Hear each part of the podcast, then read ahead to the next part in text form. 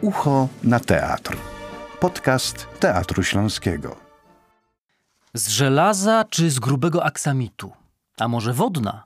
W tym odcinku zdradzimy Wam prawie wszystkie tajemnice teatralnej kurtyny. Kurtyna oddziela przestrzeń należącą do świata rzeczywistego, codziennego, czyli widownię, od przestrzeni świata umownego, fikcyjnego, czyli scenę. Wykonana jest najczęściej z gęstego, dość ciężkiego materiału, by nikt nie mógł podejrzeć, co się za nią kryje. Specjaliści rozróżniają kilka jej rodzajów, w zależności od tego, w jaki sposób odsłania scenę. Najczęściej spotykane są kurtyny rozsuwane na boki, zwane greckimi, i kurtyny podnoszone w górę, tak zwane niemieckie, francuskie czy weneckie. W zależności od typu mogą po rozpoczęciu spektaklu być prawie niedostrzegalne dla widzów lub przeciwnie, stać się dodatkowym elementem dekorującym. W Teatrze Śląskim, ta, o której zapewne myślicie i oglądaliście ją wiele razy, jest czarna, dyskretna. Gdy uniesie się ku górze, właściwie znika nam z oczu, odsłaniając całkowicie scenę, by następnie opaść na koniec aktu. Ale jej opuszczanie i podnoszenie to już zupełnie inna sprawa, i nie wiem, czy wiecie, ale potrzeba do niej pracy wielu rąk. Jeśli dzieje się to wielokrotnie, przy gorących oklaskach widowni, dobrze wróży to przedstawieniu. Liczy się bowiem, ile razy kurtyna poszła w górę. Jeśli wiele, zapowiada to sukces.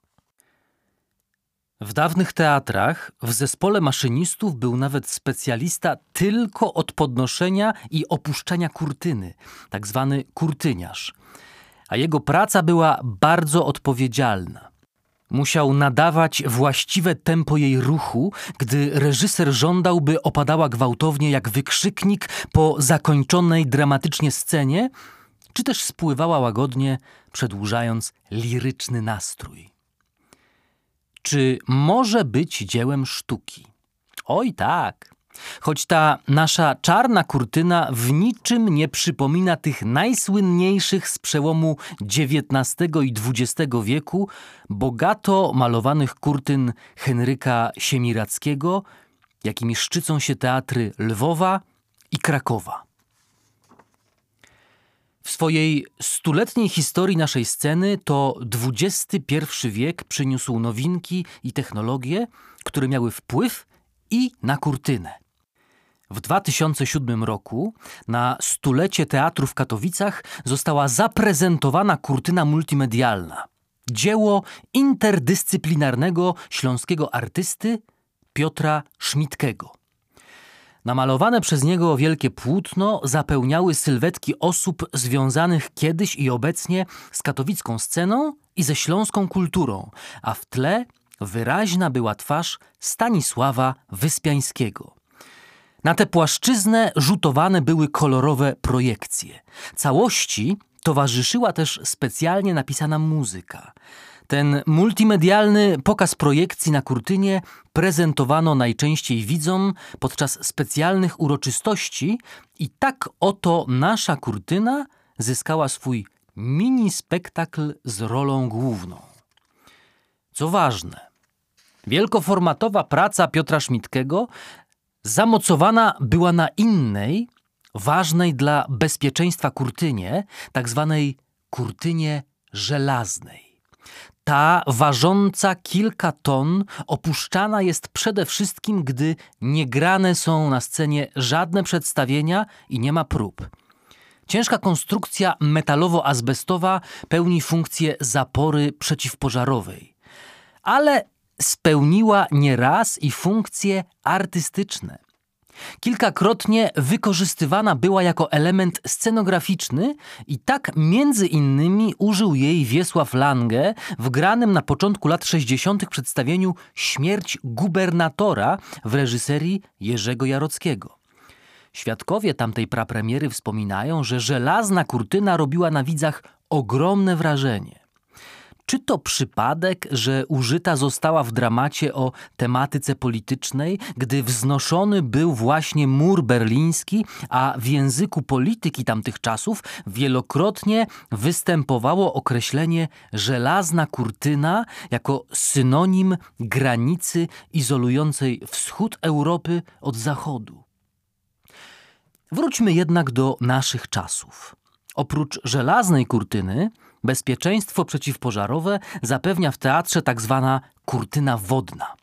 Aby zapewnić jej sprawne działanie i zagwarantować właściwe ciśnienie, konieczny jest całkiem spory zbiornik wody i właśnie dlatego w naszym teatrze pod podłogą widowni na parterze mamy tak zwany basen. Nie można w nim oczywiście pływać, ale bez tego zbiornika nie można by było bezpiecznie ani pracować, ani grać, ani bywać w teatrze. Kurtyna.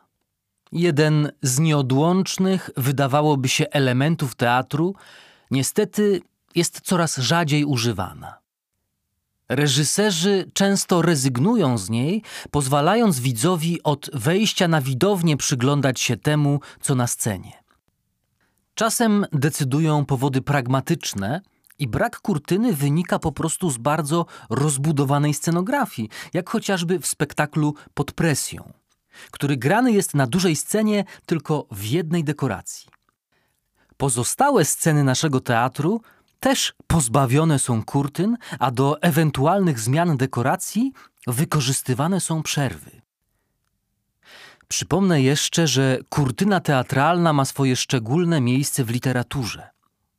Miniatury Konstantego Ildefonsa Gałyczyńskiego Teatrzyk Zielona Gęś kończą się zawsze jej opuszczeniem. Na wiele sposobów, jak chociażby te.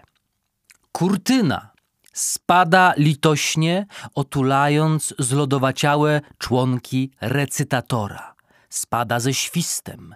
Spada i nagle zatrzymuje się w postaci tragicznego wykrzyknika.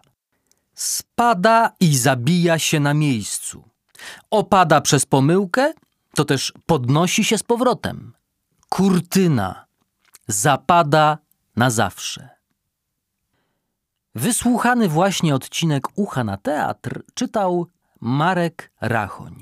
Realizatorem dźwięku był Mikołaj Lichtański. Katowice 2020. Koniecznie posłuchajcie kolejnych opowieści z Teatru Śląskiego i do usłyszenia.